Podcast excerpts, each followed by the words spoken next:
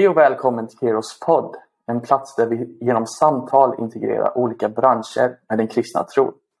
Detta är första poddavsnittet för socionombransch där vi relaterar tron till socionomstudier och socionomyrket. Idag ska vi prata om kyrkans sociala roll i samhället. Ska kyrkan hålla på med socialt arbete? Och hur uppfattas det utifrån? Därför har vi bjudit in Hanna Pettersson som jobbar som diakon för Svenska kyrkan i Åstorp och Kristina Sandell som jobbar med missbrukare inom socialtjänsten. Hanna kommer lyfta det kyrkliga perspektivet medan Kristina kommer med en utomkyrklig perspektiv i frågan om kyrkans sociala ansvar i världen. Välkommen hit! Tack så mycket! Jag har precis introducerat er, men för våra lyssnare att lära känna er lite bättre, kan ni inte berätta någonting unikt om er själva? Hanna, kan du inte börja? Oj, den har du inte skickat ut innan. Eh, ja, vad ska jag säga? Jag är extremt duktig på att fjäska för lärare. Eller har varit genom mitt eh, liv och eh, alltid lite för sent liksom. Så när man har slutat ha den som lärare och sådär. Då har jag liksom lagt in mina stötar. Så att inte för att få bättre betyg utan ja. Jag har liksom varit på universitetet, spelat dragspel för lärare och liksom ja, allt möjligt konstigt. Det är liksom Intressant. Lite, mm. Coolt. Mm. Kristina, mm. vad har du som är unikt om dig? unikt är jättesvårt tycker jag. jag vet inte om det är något unikt med mig. Jag är ganska lat av mig.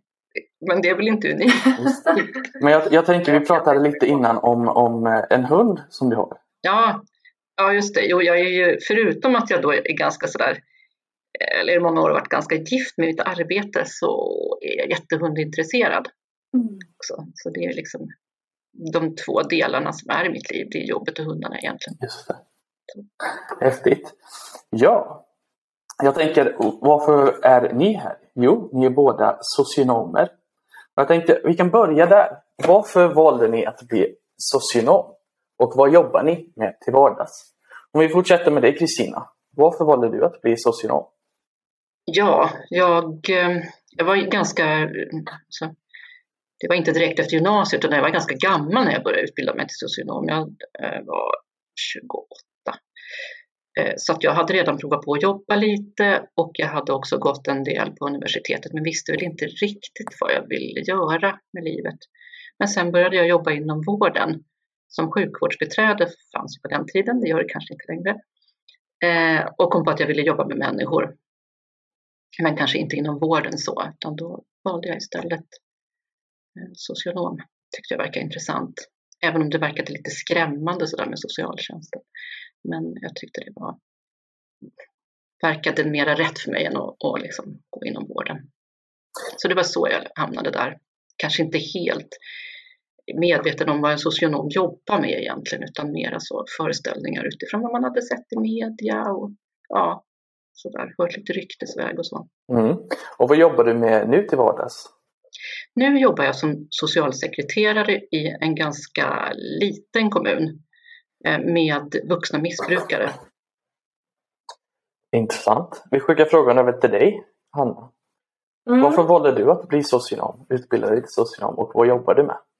Ja, alltså på ett sätt så skulle jag vilja säga att jag inte har valt mitt yrke själv utan jag har liksom, det jag har valt är att svara ja på den kallelse jag upplever att jag har fått. Så. Ehm, och när jag blev klar över att det var diakon jag skulle bli, och då var jag kanske 20-21 någonting, då fick jag ju ta reda på hur man blev diakon. Och då behöver man ha en kandidatexamen i socialt arbete eller sjukvård och sådär. Och jag hade jobbat ett tag som undersköterska och kände väl att det var inte den somatiska vården jag brann för alls utan jag levde ju för mötena, liksom, de existentiella samtalen och liksom att ja, se det själsliga mer. Så då blev socionom eh, ganska självklart. I, eh, ja, på vägen till diakon då. Um, och idag så jobbar jag då i eh, församling, har en ganska klassisk församlingstjänst tror jag, som diakon. Um, ja, jag kan säga att jag är anställd för att dela livet med församlingsbor, både de som tillhör Svenska kyrkan och de som inte är medlemmar. Och eh, ska jag gå in lite mer på det jag gör? Eller jag tänker vi kommer till det alldeles strax. Ja. Men eh, du är diakon och så jag har två socionomer här. En som jobbar inom kyrkan och en som jobbar utanför kyrkan. Precis. Eh, jag tänkte på det här med socionoms historia. Nu, nu har ni berättat att ni har båda pluggat eh, socionom som en akademisk disciplin. Men det börjar väl inte med en akademisk disciplin. Jag tänkte på det här med sociala, eh, socionomens eller sociala arbetets historia. Eh, kan ni någonting om det? Vart började det? Eh, varför finns det som en akademisk disciplin? Men, alltså, avstampet finns ju i liksom i samhället, alltså det behov man har sett att ta hand om de som inte har klarat sig själva eller kunnat klara sig själva eh, på olika sätt. Så avstampet i Sverige ligger i fattigvården, i um, nykterhetsnämnder om man nu då ska liksom närma sig det som sen blev socionomutbildning. Um, barnavårdsnämnder, alltså det, det är liksom lokalsamhället egentligen som har tagit hand om sina invånare. Och sen om man, det beror ju på hur långt du vill backa tillbaks. Liksom. Um, det är klart att det finns en, en koppling till kyrkan där. Och kanske också mm. till klostren om man vill ännu längre tillbaka i tiden. Och, och liksom, det, har väl alltid, det är väl en del av mänskligheten att vilja ta hand om de som, som har det svårt. Jag tror det liksom ligger i vår natur till viss del. Och i, de, i små samhällen där ser man varandra på ett annat sätt. Så det var ju säkert så att det gick inte att gå förbi varandra i ett, i ett litet bondesamhälle. Just det.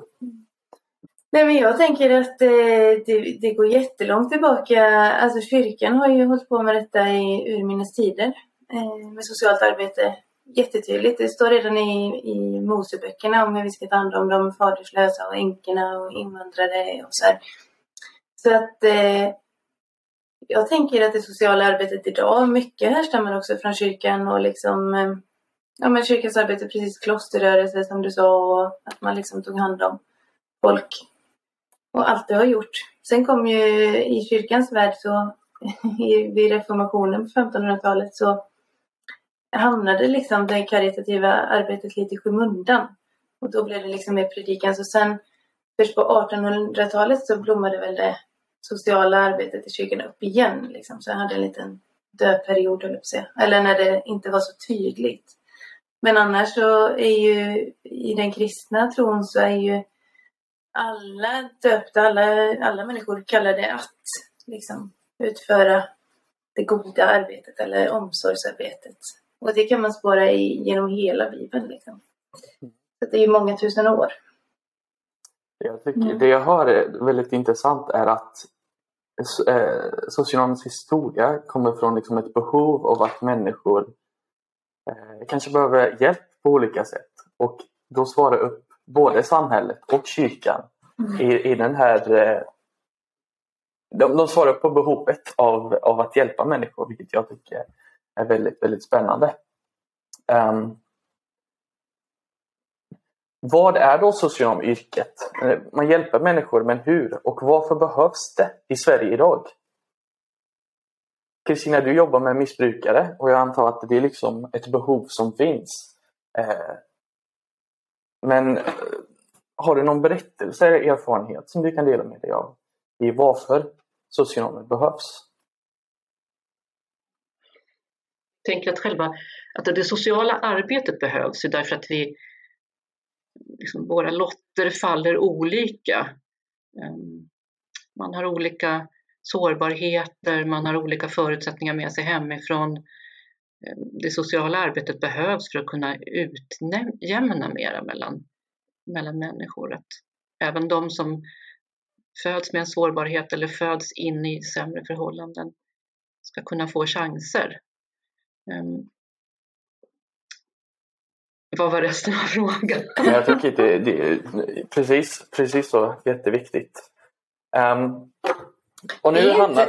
Ja, ja Nej, jag tänkte bara fråga, är inte socionomer den enda yrkesgruppen egentligen som arbetar för att bli arbetslösa? Men som aldrig kommer bli det? Det är lite ja, min, det... Eh, min känsla liksom, att man vill egentligen inte att de ska behöva finnas, men de behövs så länge det finns nöd och det kommer det liksom alltid göra. Just det.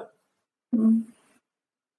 Ja, superviktiga. Alltså det är ju en ja, ovärderlig arbetsgrupp.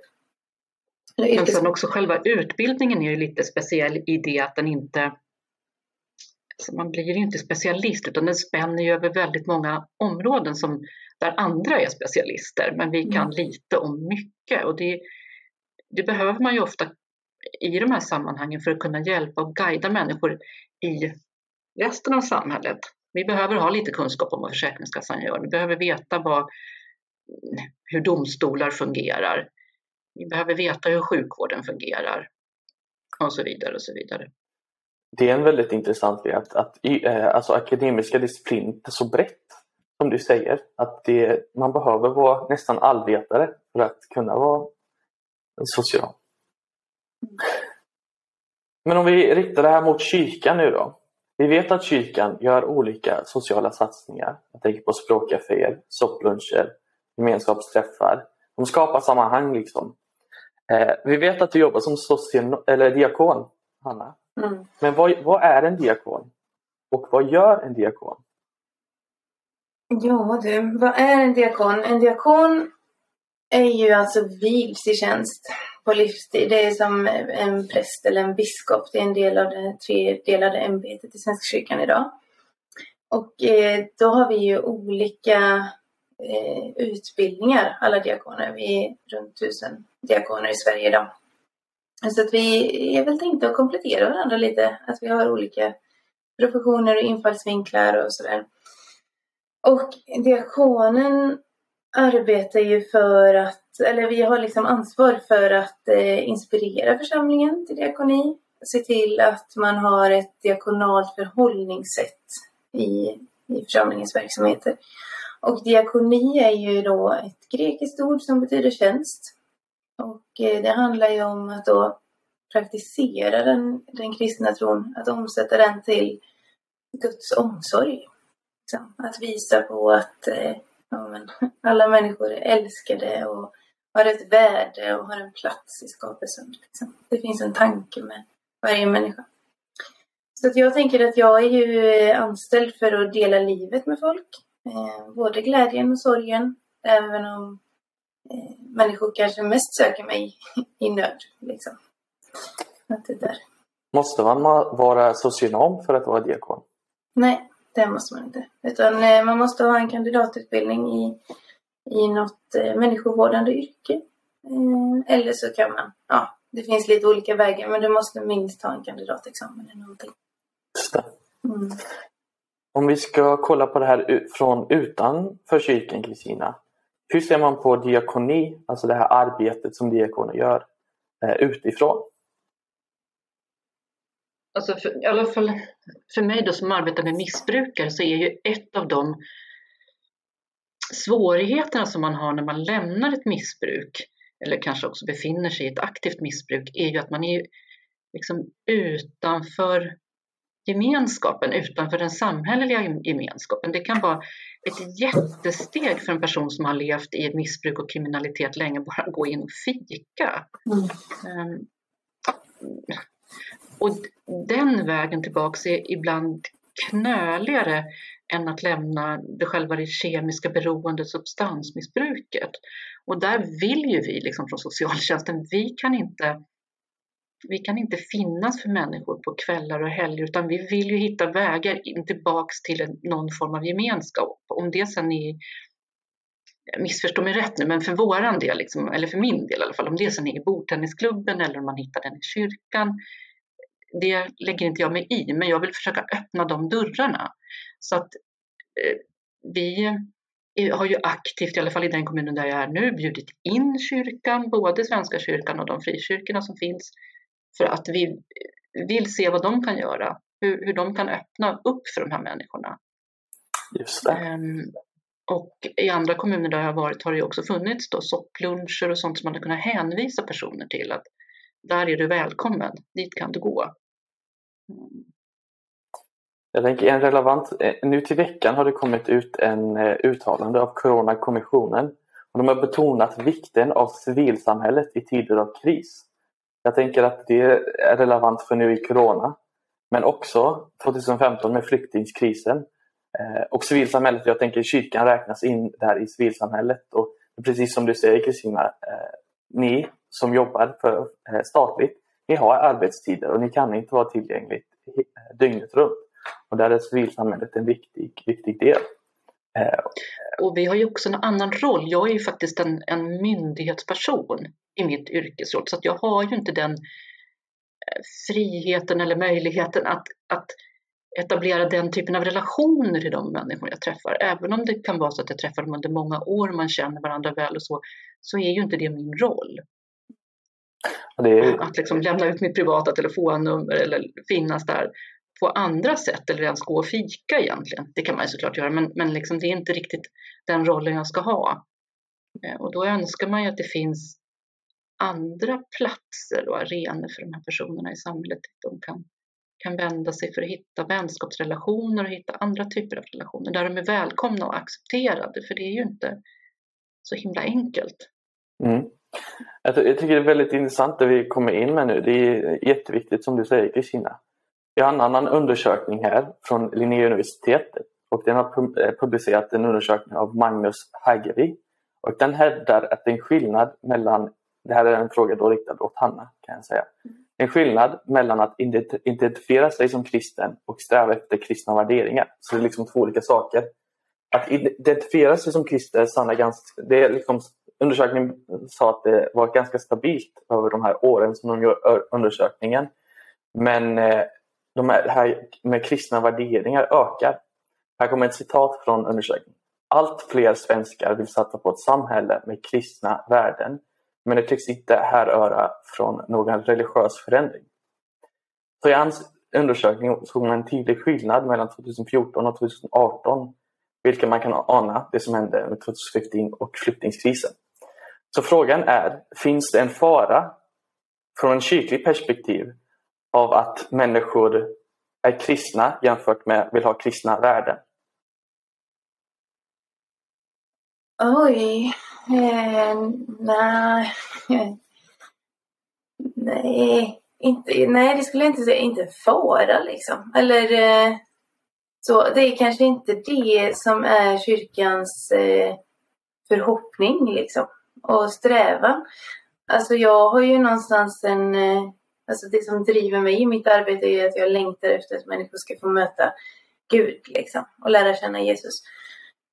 Och det är ju inte samma sak som att ha kristna värderingar. Liksom. Men det är ju gott att höra. Jag har inte själv hört talas om den här undersökningen just, men, eh, eller rapporten eller vad det nu var.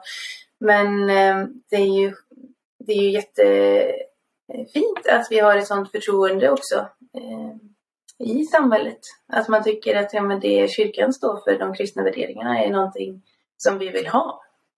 Det är ju en, ett första steg på vägen kanske. Så. Mm.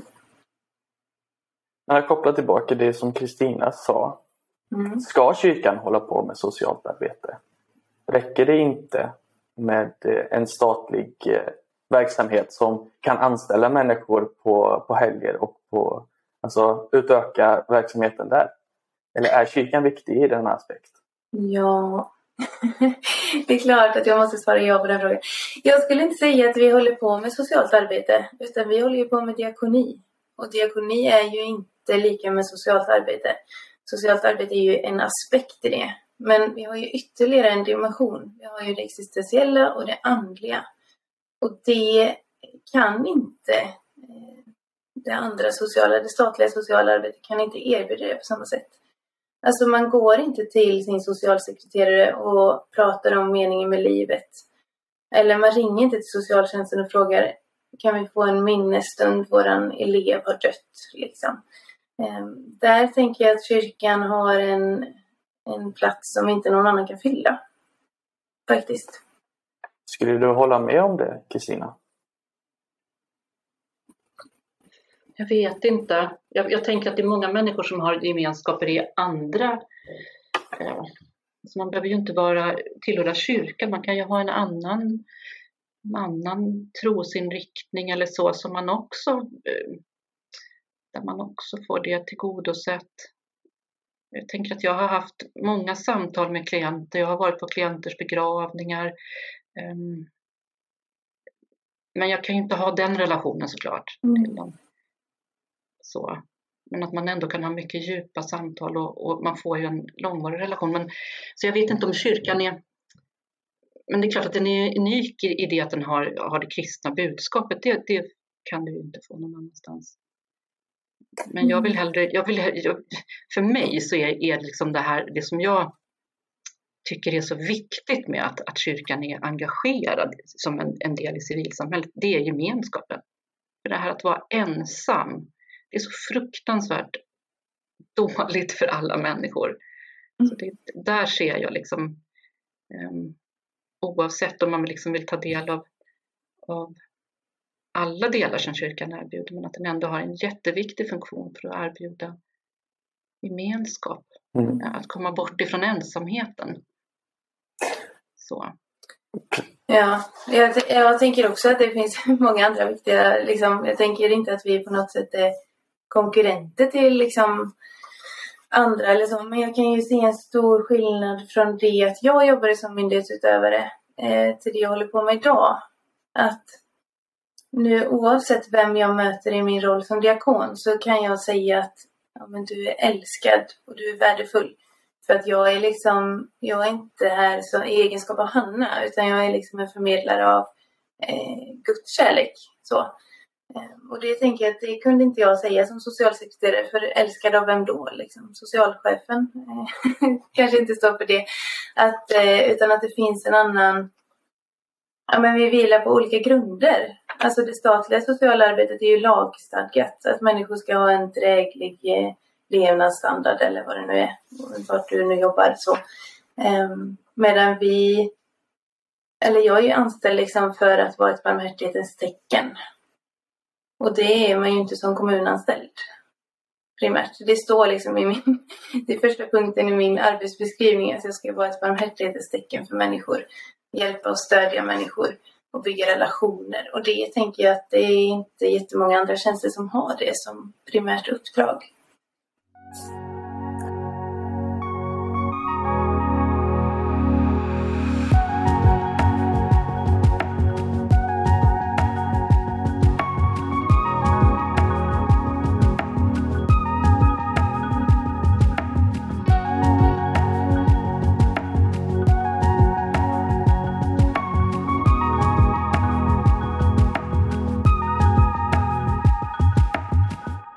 Det är ganska många av våra studenter som är kristna som pluggar socionom för att det står nära till eh, kristna tron. Liksom. Bibeln har många exempel på eh, socialt arbete skulle jag påstå. Jag tänker på eh, den hettiga samariten eller Jesus mättar 4-5 tusen. Är det gott att det skiljer sig att kyrkan får uttala det här med kristna budskapet och staten ska hålla sig ifrån det? Tycker ni att det, det är en, gott, en, en god sak eller bör det vara annorlunda? Jag vet inte, jag är pragmatiker. Jag tänker att om människor, om det stänger ute människor på något sätt så, så är det gott. Eller alltså om det stänger ute människor och hindrar dem från att komma dit, då är det bra att det finns någon typ av avskiljning som gör att alla kan komma. Så, om det, inte, om det hjälper någon eh, att eh, det finns någon kristen del i det, ja men då är det bra. Det som funkar är bra, liksom. det som hjälper människor är bra. Ehm, det får inte finnas några murar däremot, tänker jag, som gör att vissa avstår från att komma. För att, att det finns någon typ av um, religiös inriktning eller så. Det får inte vara ett hinder. Liksom. Men om vissa vill välja det och, och känner att de mår bra av det, ja, då är det bra. Det som är bra för människor är bra, det som funkar är bra.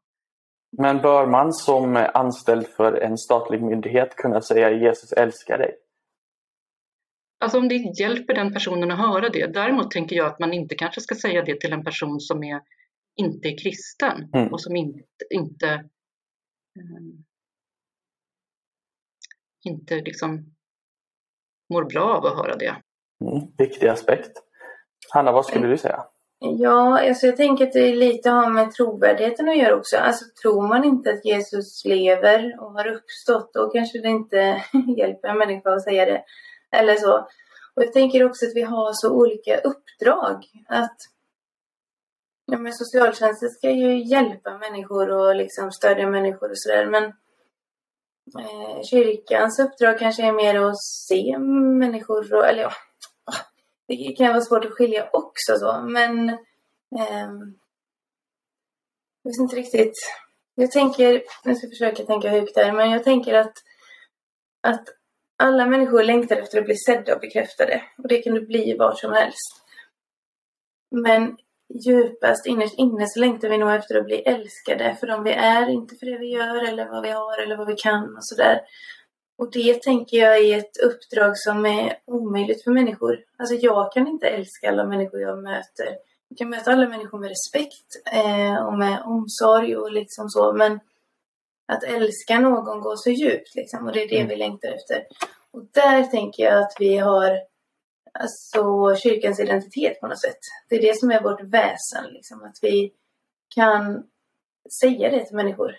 Se människor i ögonen och liksom, ja men du är älskad och he med hela dig, liksom, det du bär på. Jag kan sitta och ta emot människors ja, men skam som har suttit i i 50-60 år som de aldrig vågat säga till någon. Eh, det finns utrymme för det här. Och det kanske också gör mycket att vi inte är någon myndighet. Jag för inga journaler. Det som sägs i rummet stannar i rummet. Och där tänker jag att vi har en annan ingång som är liksom guld värd för mig. Alltså det förtroendet är ju jätteenkelt just därför att jag kan inte ta några beslut. Jag sitter liksom inte på det eh, överhuvudtaget så. Så att, ja, jag vet inte om jag svarar på frågan men... Eh, jag tror att vi har kommit fram till någonting väldigt fint här att, att kyrkan och eh, staten har liksom ett samarbete kan man beskriva nästan som en, en outtalad samarbete eller i, i vissa fall uttalade där de kompletterar varandra. Mm. Eh, vilket jag tycker är väldigt, väldigt spännande. Precis, jag tänker absolut att vi inte är konkurrenter på något sätt utan snarare kompletterar varandra att eh, ja, på kyrkiska så hade jag kanske sagt att eh, kyrkan jobbar med de eviga värdena på ett annat sätt kanske. Och socialtjänsten mer med det jordiska här och nu. Så. Och båda är viktiga? Absolut. Båda är jätteviktiga. Och då har vi berört den här frågan som eh, vad är skillnaden mellan diakonalt socialt arbete och statlig socialt arbete? Finns det några utmaningar eh, inom yrket som diakon? Ja, det är klart att det är jättestora utmaningar. Om du skulle berätta om någon utmaning du har som eh, diakonom? Mm. Ja, alltså det beror ju väldigt mycket på vilken tjänst man har, vilken typ av församling man har. Jag skulle säga att eh, den största utmaningen för mig är faktiskt att leva med mig själv. Eh, på något sätt att eh, ja, men jag möter så otroligt mycket nöd hela tiden. Och att eh, då liksom eh, brottas med, gör jag tillräckligt, gör jag rätt, gör jag, gör jag mitt uppdrag nu, det jag är anställd för? Jag kan faktiskt ganska ofta sakna att jobba på socialtjänsten. Jag saknar min aktvagn liksom.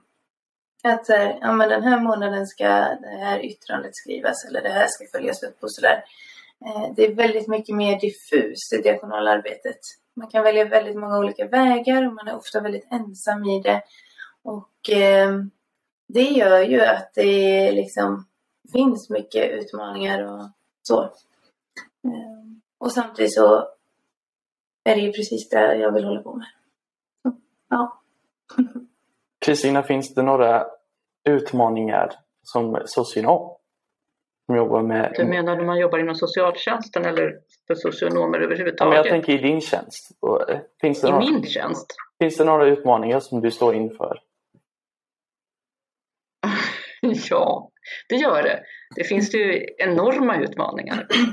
Alltså det har hänt, jag har jobbat snart i 30 år, det har hänt väldigt mycket i samhället under den tiden och det är ju inte så att man, eller att jag upplever att man ser med mera blida ögon på de människor som ramlar av här liksom. Mm. Um, som inte klarar sig i det här samhället utan det blir ju tuffare och tuffare tycker jag. Så det är jättesvåra utmaningar att, att hitta vägar för de som vi träffar. Mm. I socialtjänsten så träffar man ju de som inte platsar någon annanstans. De kommer till oss.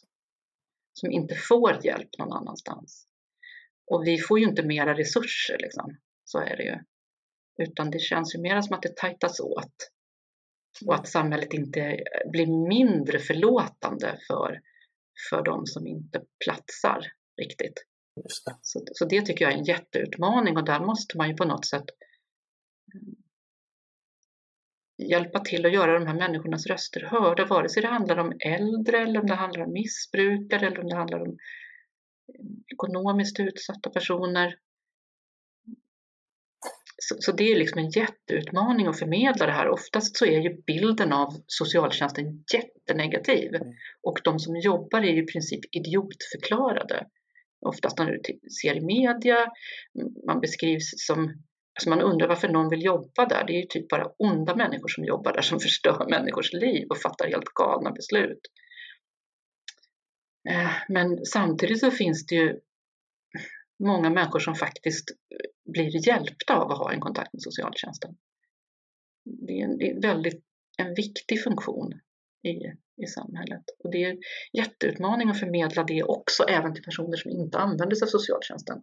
Många tycker bara att det är slöseri med skattepengar och att vi sitter och daltar med folk som borde liksom, här ska det vara hårda tag. Så.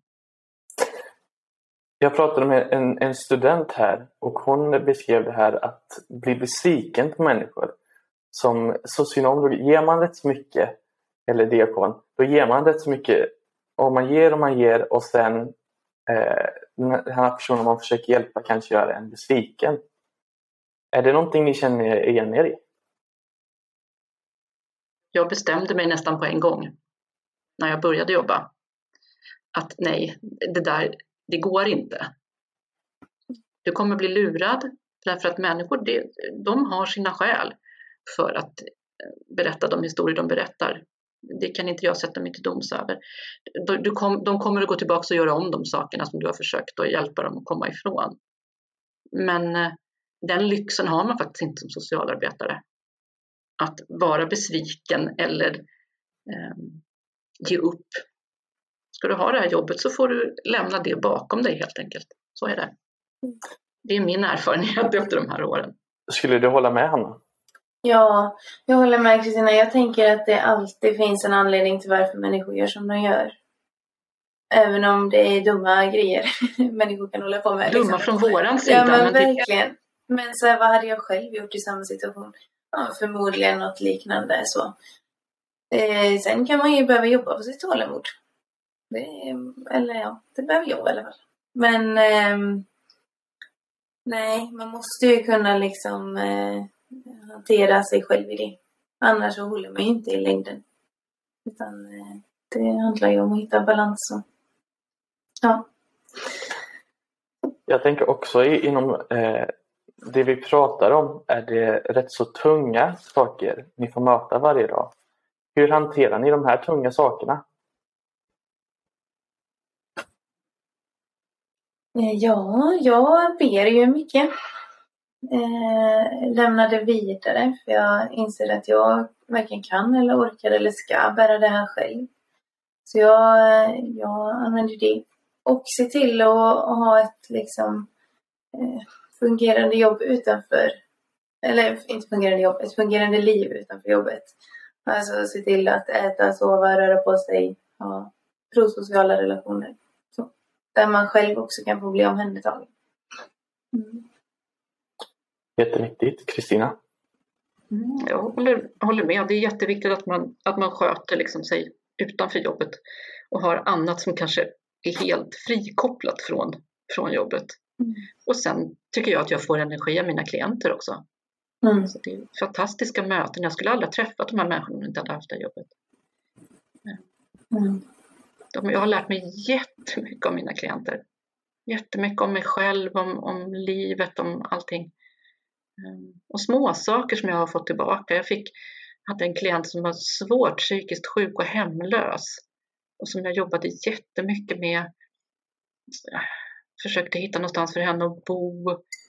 det var, det var jätteproblematiskt med hennes sjukdom och sådär. Så fick jag en plastpenna av henne. Och det var jätteviktigt liksom. Den där pennan, den hade jag kvar i många, många år. Mm. Det ger mig energi. Mm. Mm. Jag tänk, ja, eh, handlar inte det om att eh, ha mening med sitt liv? Eller göra meningsfulla saker liksom. Det mår vi ju bra av alla. Mm. Fint. Jag tänker vi ska dra in för landning här. Men en sista fråga. Vilken råd skulle du kunna dela med dig av till våra studenter som lyssnar på denna podd? Eh, jag tänker framförallt på socionomstuderande. Vad skulle ni ge för tips? Eh, var uppmärksam på, på sammanhanget du är i. Alltså se människan. Se inte bara statistiken och liksom lagarna utan se människan bakom. Klient eller konfident eller eh, vad det än kallas liksom. Men att, att värna individen. Mm. Det kan jag hålla med om. Och jag tänker också, försök att vara modig. Mm. Om det går. Det är jätte, jättesvårt. Jätte, Men om man orkar. jätte, jätteviktigt. Tack för att ni delar med er och tack för det ni jobbar med. Båda aspekter tycker jag är jätte, jätteviktigt. Du har ju berört mycket intressant idag.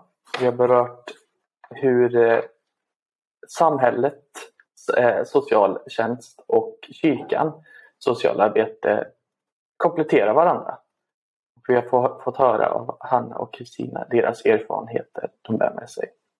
Tack för att ni tog tid till detta samtal. Tack också till dig som lyssnar. Om du är intresserad så finns det nu en bloggtext av en socionomstuderande uppe på vår hemsida credostudent.se. Hon reflekterar kring hur tron kan gå ihop med hennes studier. Om du har uppskattat avsnittet får du gärna prenumerera och betygsätta vår podcast. Sprid gärna detta avsnitt på sociala medier och till vänner. Att fortsätta dialogen om hur kristen tro kan uttrycka sig inom studier eller yrkeslivet. Vill du fortsätta dialogen med oss så får du gärna skicka in tankar, frågor eller åsikter till info credostudent.se. Tills nästa avsnitt, glöm inte att Gud älskar dig.